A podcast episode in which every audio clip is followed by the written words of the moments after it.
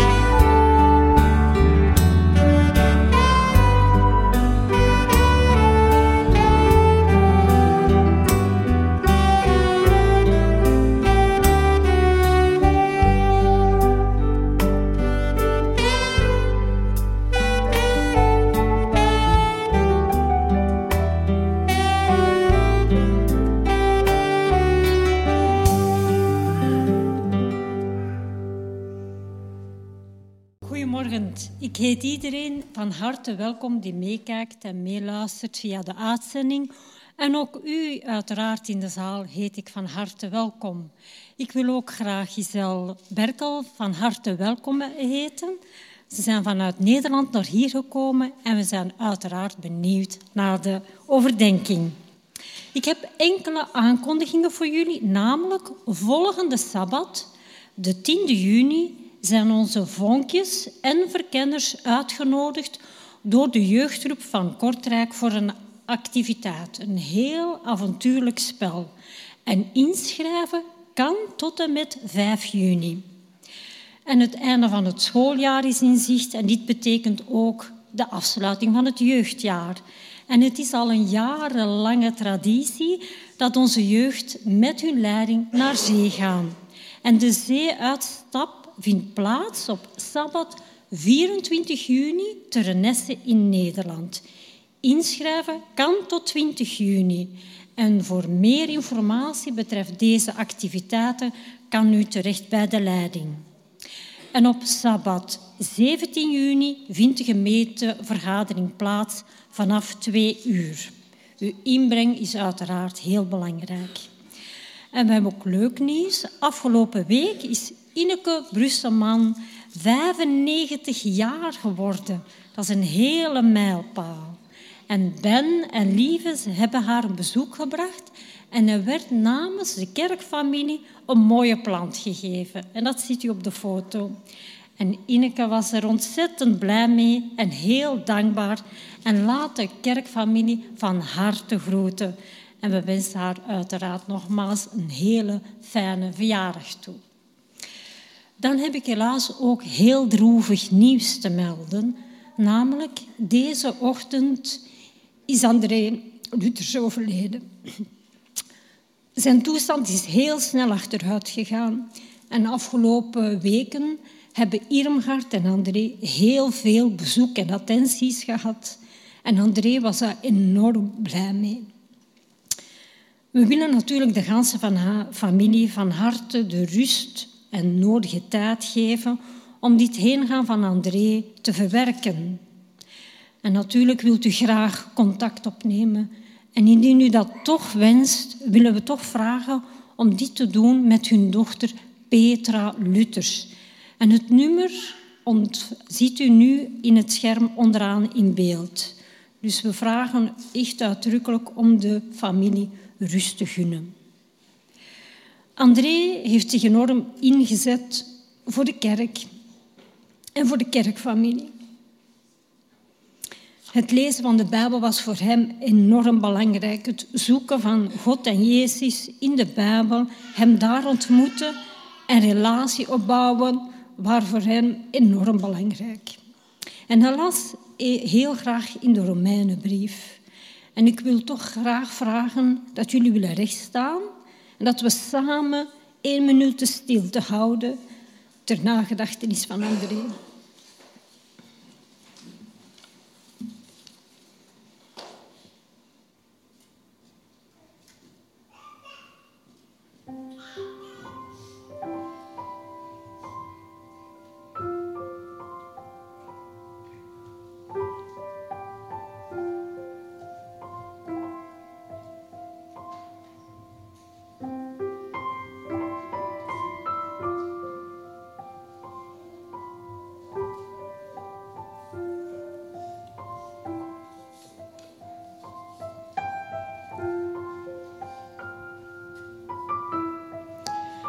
Ik lees u voor uit de Romeinenbrief.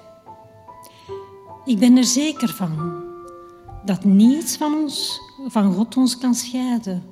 Dood, nog leven, engelen, nog bovenaardse krachten, heden nog toekomst, machten boven, nog beneden ons. Niets in de hele schepping kan ons scheiden van God, die ons lief heeft in Christus Jezus, onze Heer.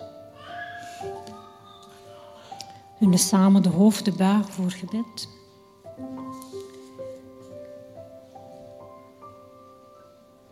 Lieve Vader in de hemel, we zijn blij dat u onze Heer en Koning bent van ons leven. En vandaag, Heer, voelen we ons verdrietig. André is heen gegaan en ook nu blijft hij een kostbare parel in uw hand. We zijn ontzettend bang, dankbaar dat we André in ons midden hebben gehad. Het was een voorrecht. Het was een heel warm persoon. En hij vond de Bijbel als het ware een ware ontdekkingstocht om uw liefde te voelen, uw bevrijding en daarin Jezus te ontmoeten en leren kennen. Zodat Hij, ons Jezus, in ons leven zou zijn. En we weten dat ook ganse familie hem zal missen. En we vragen ook dat u hem draagt in uw hand. Troost hem met uw liefde. Ook op deze Sabbat vragen we u om in ons midden te zijn als eregast. En zegen de woorden van Giselle Berkel en mogen de woorden ons sterken en ons inspireren en troosten. Vader, wees met ieder van ons en de liefde die wij van u mogen ontvangen, laten we die doorgeven aan anderen in onze omgeving. En wat we doen en zeggen, mag die ter ere van u zijn. Vader, straks worden ook gelden verzameld en we vragen dat die mogen dienen ter opbouw van uw werk. Want er is inderdaad nog heel veel werk. Vader, dit alles vragen we omdat we u lief hebben en in Jezus' naam. Amen. Blijft u recht staan zodat we samen lied zingen.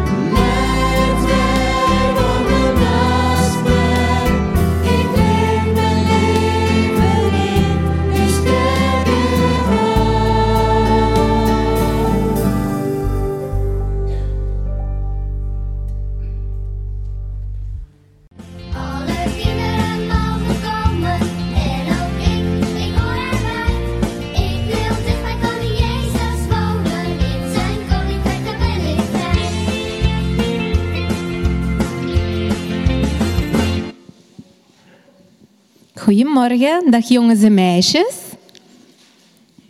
Hallo, hoe gaat het? Goed? Allemaal goed? Ja, het zonnetje schijnt, dat is wel fijn, hè? Ja, vandaag gaan we een verhaal luisteren over Jezus en over een jongetje. Luisteren jullie mee? Kijk. Is er nog brood? Vraag ik. We hebben net gegeten, maar ik kan nog wel een stukje brood op. Ik heb nog wel wat honger. Want straks moeten we een heel eind lopen. Heel ver, want we gaan naar Jezus toe. Mm, sorry, Joas, zegt mama tegen mij. Het meel in de schuur is op.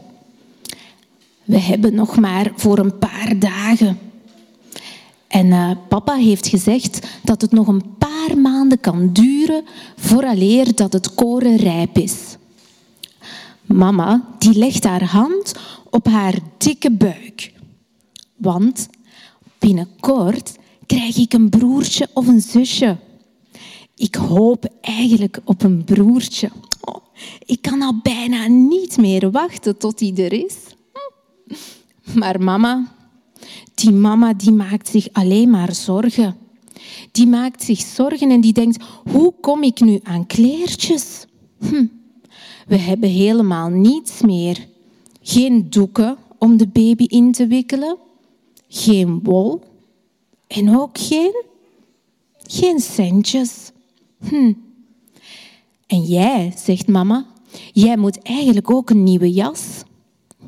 Joas kijkt nu. Jij bent helemaal, jouw jas is helemaal versleten. Hm. Wat moeten we nu toch doen als straks de baby er is? Hm. Ik weet het niet, mama, zeg ik. Misschien, misschien kunnen we het straks aan Jezus vragen. Kom, mama, gaan we nu? Kom. Ja, lacht mama. Goed dan, we gaan al. We hebben gehoord dat Jezus op de grote heuvel is. Het is een heel eind lopen van bij het meer waarvan wij wonen. En het is heel warm en de zon is heet en brandt op ons vel. En mama? Mama die loopt zo langzaam, ja, met die dikke buik en die baby erin. Die loopt zo langzaam. Kom mama, kom nu. Ah, eindelijk zijn we daar. Daarboven bij de heuvel. Er zitten een heleboel mensen in het gras. En Jezus, die is er ook. Hij is aan het vertellen. Eigenlijk wil ik naar hem toe rennen, want ik wil horen wat hij zegt.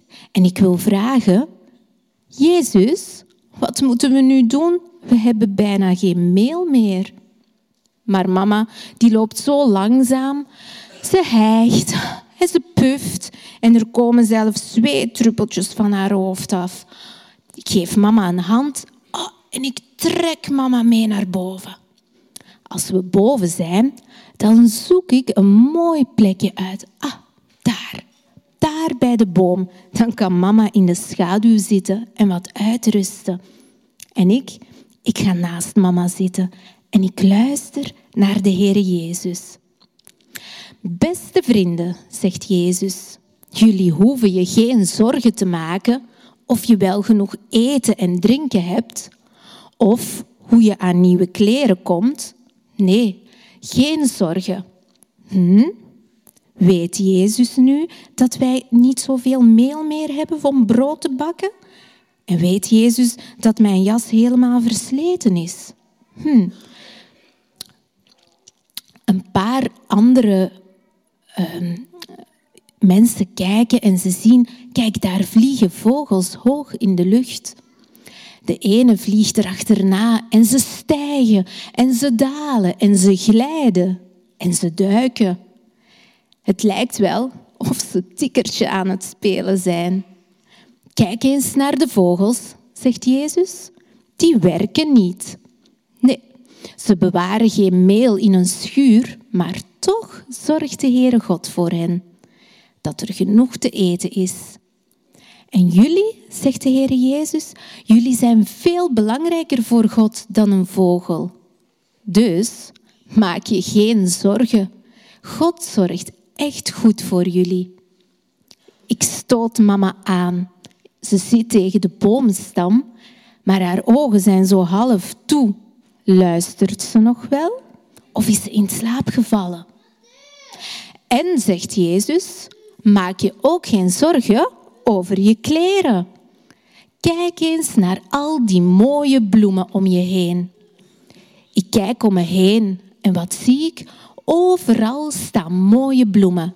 Roze en gele en oranje. Oh, wat zijn ze mooi, zegt Jezus. Bloemen, bloemen die werken ook niet. Bloemen, die, die naaien geen kleren. Maar dat kan natuurlijk niet, hè. Bloemen die kleren naaien. Stel je voor, Jezus die maakt een grapje, hè. Nee. Maar toch hebben de bloemen eigenlijk de mooiste kleren aan, zegt Jezus. Ze zijn zelfs mooier dan de kleren van de koning. Hé, wat is dat? Er valt een bloemblaadje van mijn klaproos af. En nog een bloemblaadje. Oh, mijn mooie bloem. Er blijft niks meer van over. Het lijkt wel of Jezus het ziet. Bloemen die bloeien maar heel even. En dan, dan wordt het gemaaid en zijn ze weg. En toch, toch versiert God telkens weer dat mooie grasveld met prachtige bloemen. God houdt nog veel meer van jullie dan van die bloemen. Dus maak je geen zorgen. God zorgt voor jullie. Ik kijk naar mama. Ze zit nu rechtop en ze luistert en haar handen legt ze op haar dikke buik, want daar zit een baby in. Ja. En ze kijkt naar Jezus en ze luistert. Vraag niet, hoe komen we aan eten en drinken, zegt Jezus. En zeg niet, hoe komen we aan kleren. Houd je bezig met Gods nieuwe wereld, met zijn koninkrijk. Doe wat God van je vraagt. God is jullie vader. Want God ziet jullie vanuit de hemel en hij houdt van jullie heel, heel veel. Hij zorgt er wel voor dat je alles krijgt wat je nodig hebt. Zou dat waar zijn? Ik kijk mama aan en mama glimlacht. Ze ziet ineens weer een beetje blijer uit. Ook al hebben we nog steeds weinig meel, ook al zitten er gaten in mijn jas, toch ziet ze al een beetje opgeluchter uit. We hoeven ons geen zorgen te maken, hè mama? Zeg ik als we een eindje op de middag terug naar huis wandelen. Je hebt gelijk, Joas, zegt mama. Wel, dat gaan we proberen, om ons vanaf nu geen zorgen meer te maken. En we denken eraan dat God ons helpt en we houden onze gedachten bij de Heere God, zijn nieuwe wereld, bij het koninkrijk van God. Ja, zegt, zegt hij, ik ga dat onthouden. Ik ga het straks tegen papa zeggen. Van de vogels en de bloemen. Ja, ik ga het vertellen tegen papa. Toch? Dat was ons kinderverhaal. En onze jongens en meisjes die willen aan jullie ook iets vertellen, want ze hebben thuis een gedichtje ingeoefend. Kom maar. Ach Hertje, heb je zo'n verdriet? Zie je je lieve mama niet? En voel je je nu zo alleen met enkel bomen om je heen? Je mama laat je hier niet staan, ze komt er vast heel gauw weer aan. En dan zijn al je traantjes weg en dan word je wel weer vrolijk, zeg. Ik ben zo blij, ik ben zo blij. God zorgt voor jou en hij zorgt voor mij. Vlieg je heel hoog in de lucht of leef je op het land? Zwem je heel diep in het zee of kruip je langs de waterkant? Wees maar blij, wees maar blij. God zorgt voor jou, jou en jou en mij.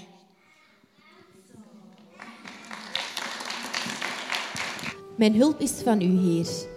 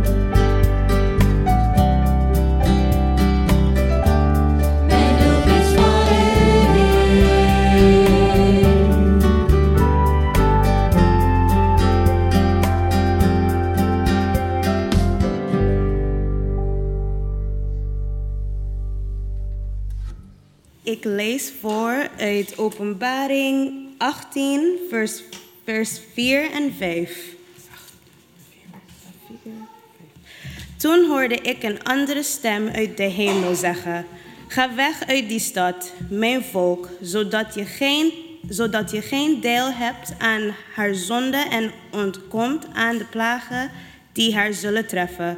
Want haar zonde reiken tot aan de hemel en God zal haar onrecht vergelden. Ik lees voor uit Jona, hoofdstuk 4, vers 2 en 10 en 11. Hij bad tot de Heer. Ach Heer, heb ik niet gezegd toen ik nog thuis was. Daarom wilde ik naar Tarsus vluchten. Ik wist het wel. U bent een God die genadig is en liefdevol, geduldig en trouw en tot vergeving bereid. Toen zei de Heer, als jij al verdriet had om, om die wonderboom, waar jij geen enkele moeite voor hebt hoeven doen, die jij niet hebt laten groeien, een plant die in één nacht opkwam en in één nacht verging, zou ik dan geen verdriet hebben om Nineveh, de grote stad waar meer dan 120.000 mensen wonen, die het verschil tussen links en rechts niet eens kennen, en dan nog al die dieren. to get connected. We connect as families because of birth. We connect as friends because we click. And we connect as communities because we care. Seventh day Adventists are people who connect in communities called congregations, which in turn connect to form conferences, who connect together to form unions, divisions, and the General Conference. Why do we connect? It starts with a connection to the Creator, who invites us on a spiritual journey. When we journey together, we can help each other along the way. This journey is a journey of a lifetime, and as we learn and grow, life becomes filled with meaning and purpose. Our greatest joy is in helping others along the way. Wherever you are on your journey, we believe that we have something to offer that can make your life more whole. So the next time you see a Seventh day Adventist, remember, you're not looking at someone who stands alone. They are connected to a world church that has 18 million members, gathered in 13 divisions, comprised of 122 unions, formed by 600 conferences, serving in 140,000 congregations in 208 countries, who worship in 924 languages, and they all want to connect with you.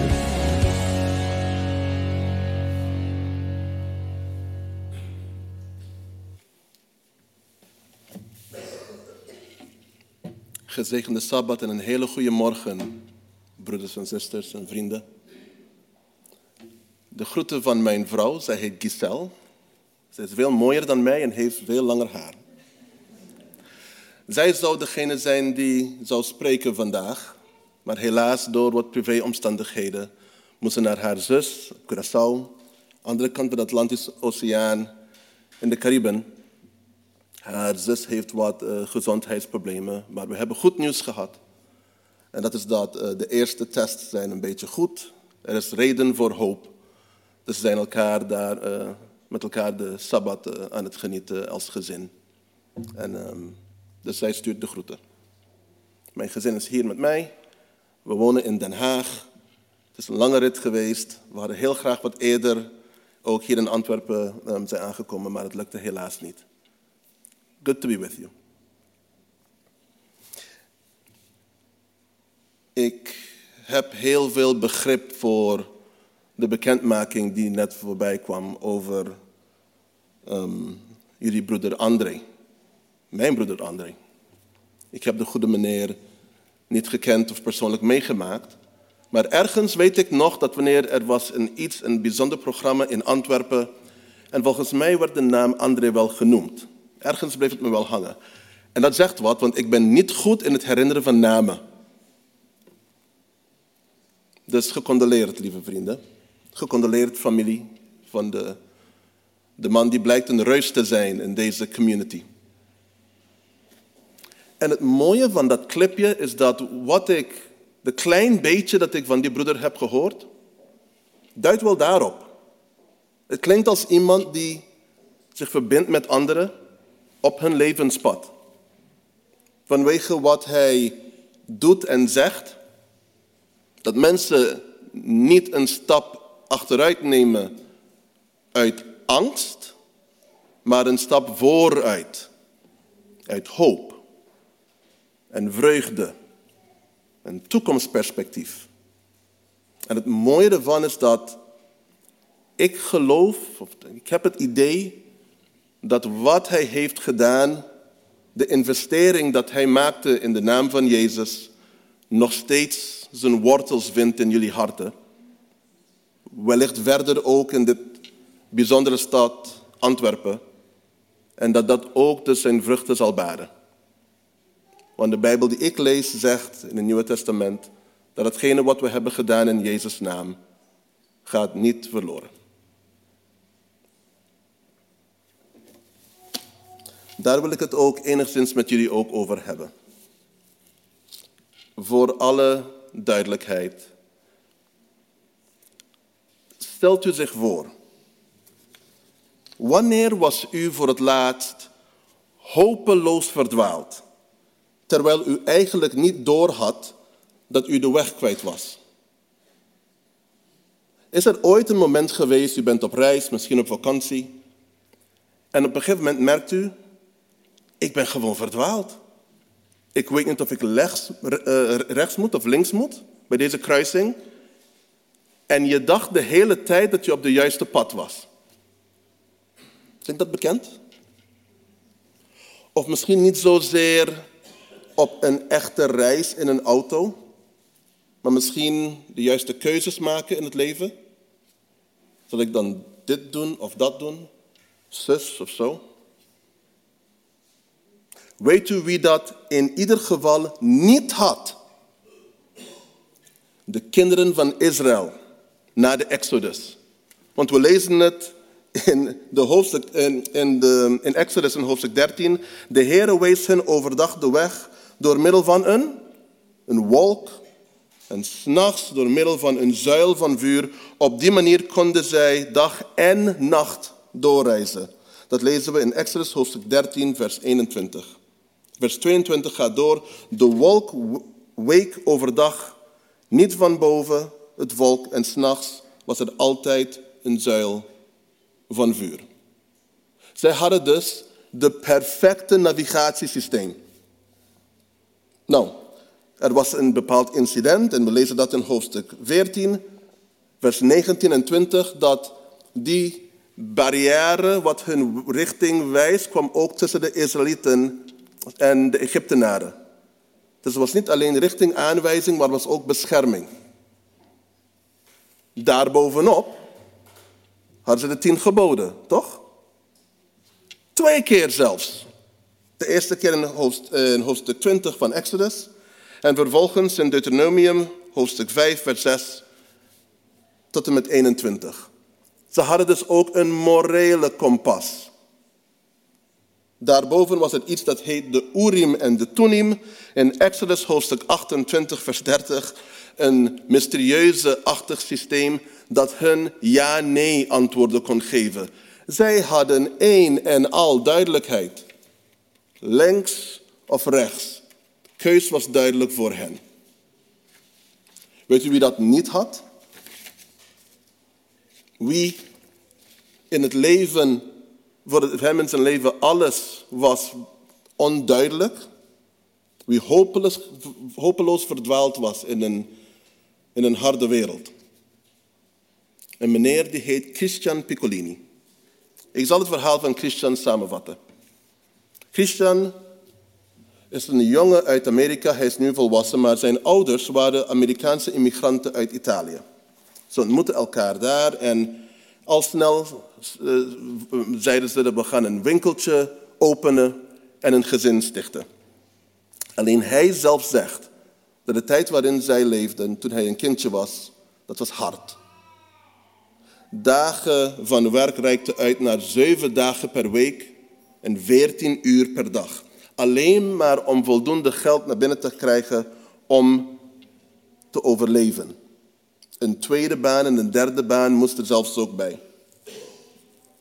En dat raakt mij wanneer ik hoor dat ouders zich zo moeten inzetten alleen maar om te overleven. Zeven dagen per week, veertien uur per dag. Dat raakt mij omdat dat zegt één ding wat heel belangrijk is, dat missen ze vooral. Zevende Adventisten. Die wekelijkse rust. Die quality time voor het gezin.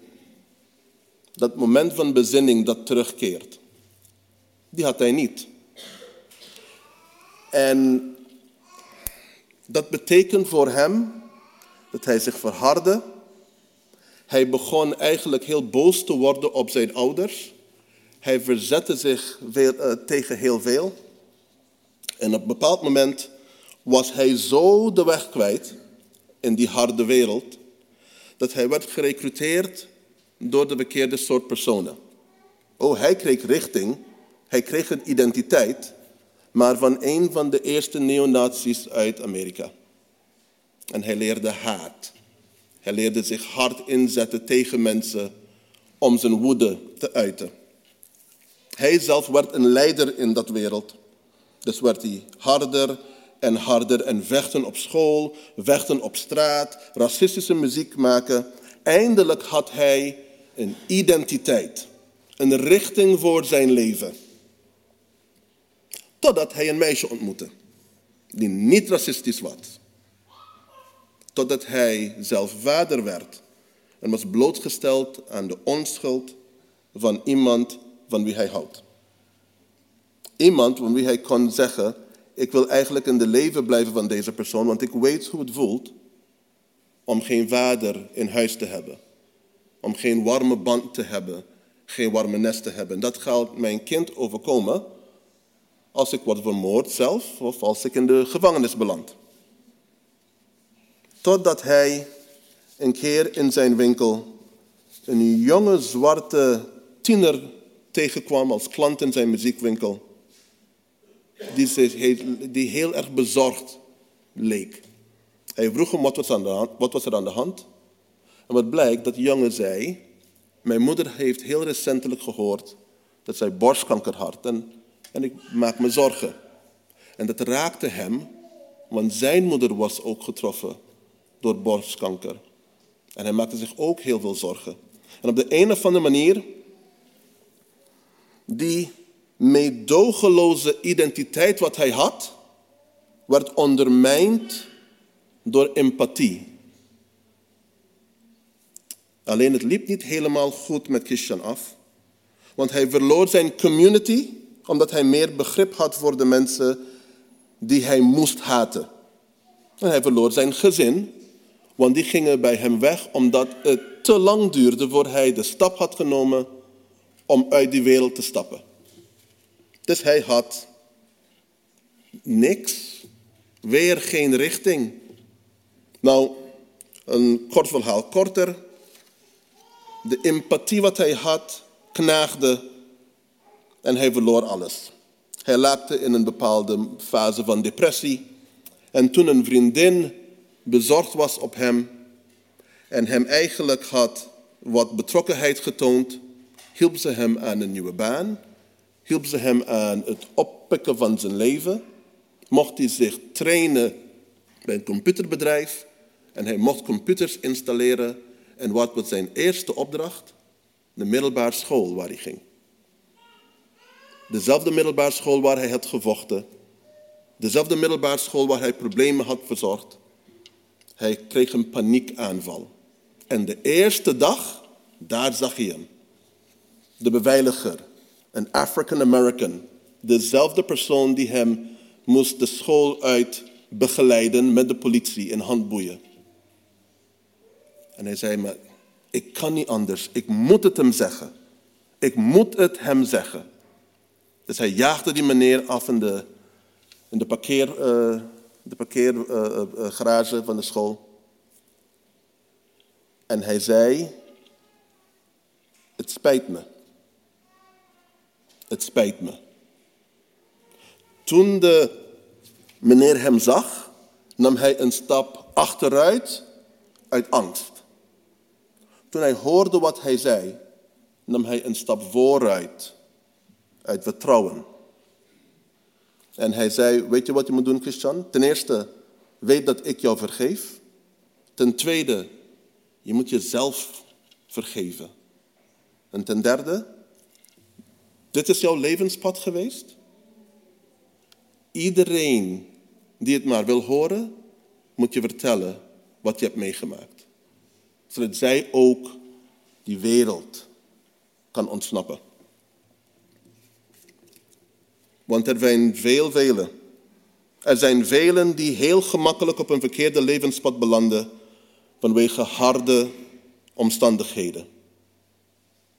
Verwaarlozing, trauma's, discriminatie, misbruik, voorrecht door afkomst of ras, sociale druk, gebrek aan een opbouwend sociaal netwerk en daaruit voortvloeiend geestelijke gezondheidsproblemen, verkeerde sociale normen. Ik werk zelf in de GGZ en je hoort zo vaak van cliënten die dus problemen krijgen omdat ze hebben geen sociaal netwerk. Verwaarlozing. In lastige problemen zonder een ondersteuningsteam. Want dat was Ninive. Ervan uitgaande dat we allemaal het verhaal van Jona goed genoeg kennen. Nineveh was dus een stad in een harde wereld vol mensen in een hele harde omstandigheid en op het verkeerde levenspad. Vrijwel hun allen.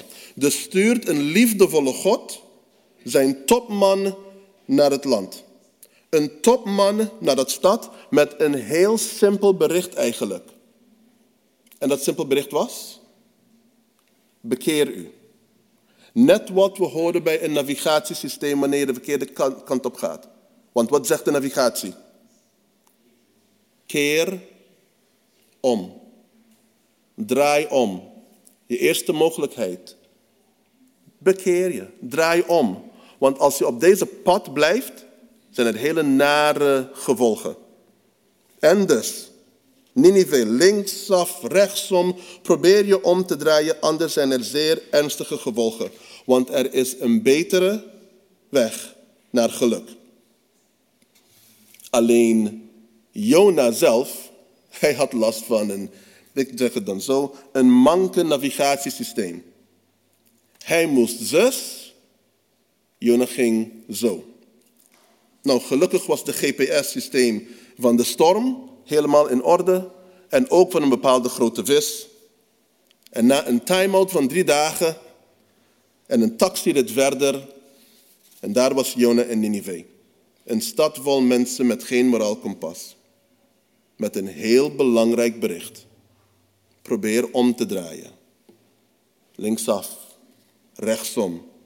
Probeer je om te draaien, anders zijn er zeer ernstige gevolgen. Want er is een betere weg naar geluk. Weet u, psychologen leren uit onderzoek dat er zijn in principe zes basisemoties. Die zijn geluk, verdriet, angst, verrassing, woede en minachting. Heel goed onderzocht door een bepaalde professor die heet John Gottman. John Gottman leert eigenlijk ook zijn studenten en klanten als er minachting ontstaat in een, in een relatie, kun je eigenlijk erop vertrouwen dat het gaat eindigen in een echtscheiding. Maar dat zijn ze. Geluk, verdriet, angst, verrassing, woede en minachting. Zie het zo. De mensen uit, uit Nineveh waren van het Assyrische Rijk. Zij deden iets heel bijzonders. We weten dat die rijk, de Assyrische Rijk, was heel erg gewelddadig. Maar ze hadden een bepaalde strategie die zij met heel veel succes inzetten. Namelijk zo, wanneer ze een terrein overnamen, stichten ze vrij snel een stad. Een nieuwe stad met een uitstekende infrastructuur. En wat ze vooral toen deden, is dat mensen van locatie A verplaatsten ze naar B. Mensen van B naar C, naar C naar D enzovoort. Dat deden ze om de band van mensen met hun land en de band van groepen die eigenlijk elkaar versterkten, zo snel mogelijk te verbreken. Lieve mensen, Nineveh was niet alleen maar een stad met hele gewelddadige mensen. Nineveh was een stad met gebroken mensen. Gebroken en verdwaalde mensen. In een stad waar de mensen met privilege mensen braken en verder in de war brachten. Daarom stuurt God zijn topman naar die stad met dat bericht. Maar dan vraag ik me af, waarom per se Jona? Waarom juist Jona naar Nineveh? Waarom juist Christian naar zijn middelbare school? Wie is de held van het Jona-verhaal? Wie is, wie is de good guy in het verhaal van Jona? Duidelijk, het is niet Jona, want hij wou helemaal niet. Als er iemand gewikkeld was in een gevoel van de emotie van minachting, was het Jona. Moet eerlijk zeggen, en dit zouden wij misschien vaker moeten zeggen als christenen, wanneer wij geconfronteerd worden met lastige vragen. Ik weet het niet. De Bijbel zegt het niet, A, B, C en dit is het. Ik, ik weet het niet waarom Jona degene was die God wil sturen. Maar ik heb twee vermoedens. De naam van Jona komt van een woord dat is Jochna, als ik het zo goed uitspreek. Weet je wat dat woord betekent? Dat woord betekent duif.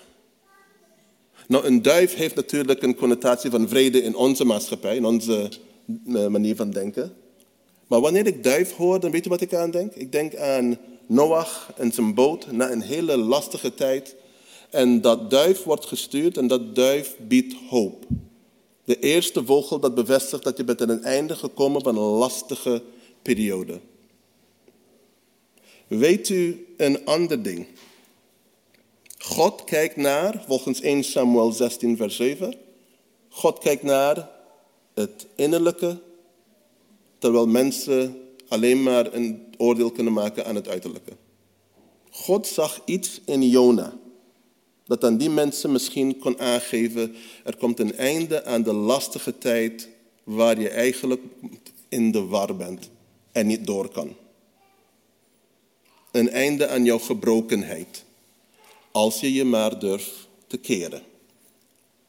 En ten tweede, dus degene met de boodschap had de boodschap zelf nodig. Hebreeërs hoofdstuk 4, vers 12 zegt: Het woord van God is levend en krachtig en scherper dan een tweesnijdend zwaard. Het dringt diep door tot waar de ziel en geest, been en merg elkaar raken. En het is in staat de opvattingen en gedachten van het hart te ontleden. Dus wat is het bericht van God aan de mensen uit Nineveh? God wil ze juist redden. Wat is zijn bericht aan Jona? Ik wil jou laten zien hoe ik ben. Wat is zijn motivatie? De Bijbel zegt het zelf. In de schriftlezing, Jona hoofdstuk 4, vers 2, zegt Jona, ik bad tot, hij bad tot de Heer. Heer, ik had het u gezegd, ik wist het. Ik wist het. U bent barmhartig, u bent lief, ik wil niemand pijn doen. Wat is er aan de hand? Ik wil u plaatsen in de fase, in dat emotionele staat van vreugde verrassende vreugde.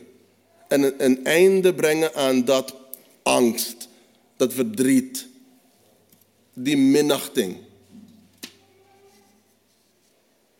De angst, minachting en verdriet en woede kan omlaag. Om ruimte te creëren voor een verrassende vreugde die wij vinden in Hem. Met elkaar in Hem. En er zijn zoveel mensen die het rechts van links niet kunnen onderscheiden in hun leven. Dus blijft God roepen.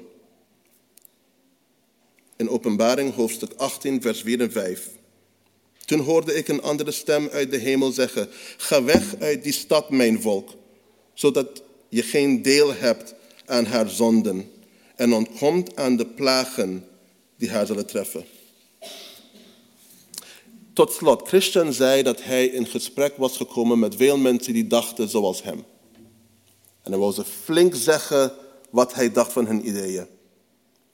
Hij zei eigenlijk de beste techniek die hij kon inzetten, is dicht bij de mensen aansluiten, empathie tonen, hun ruimte bieden.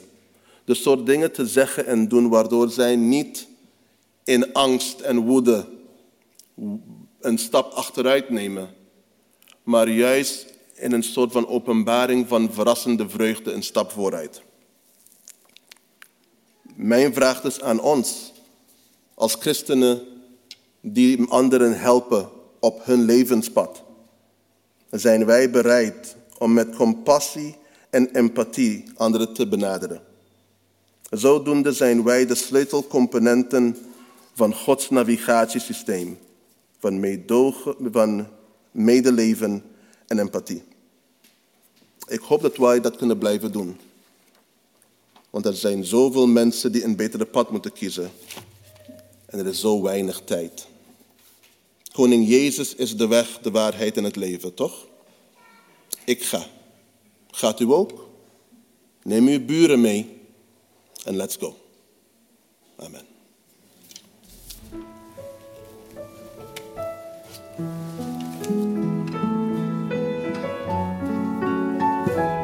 We allemaal recht staan voor het volgende lied Juich voor de Heer.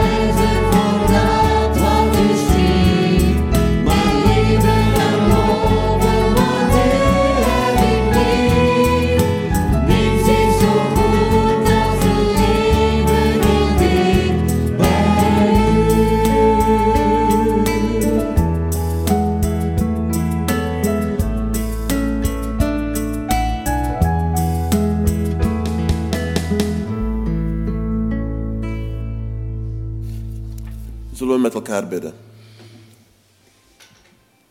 Heer onze God, we zijn dankbaar dat wij mogen genieten van een band met U. We zijn dankbaar dat wij kennis kunnen hebben van uw Bijbel, zodat wij kunnen zien hoe u uw volk heeft geleid, heeft geïnspireerd. Dat wij daar hoop en perspectief uit kunnen putten. Maar Heer, laat het alstublieft niet zo zijn dat wij deze zegens voor onszelf houden.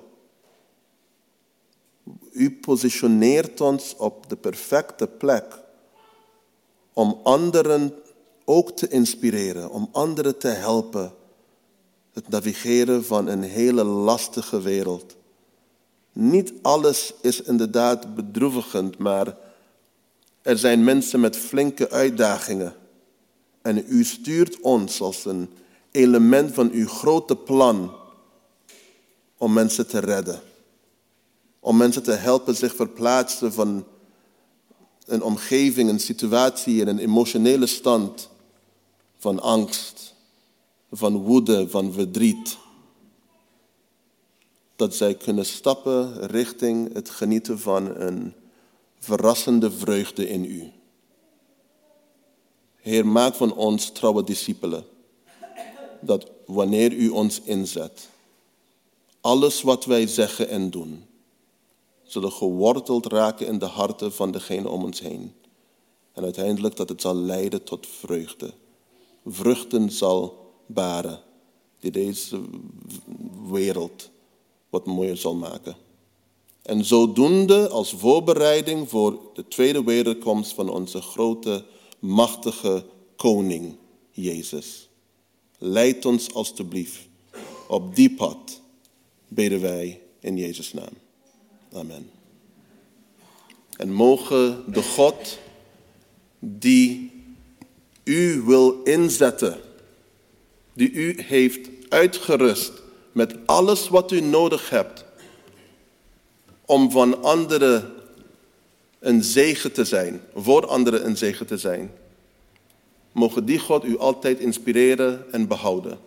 Dat alles wat u doet zal leiden in plaats van stappen achteruit, slachten, stappen vooruit. Van deze Sabbat tot zijn wederkomst. In Jezus' naam. Amen.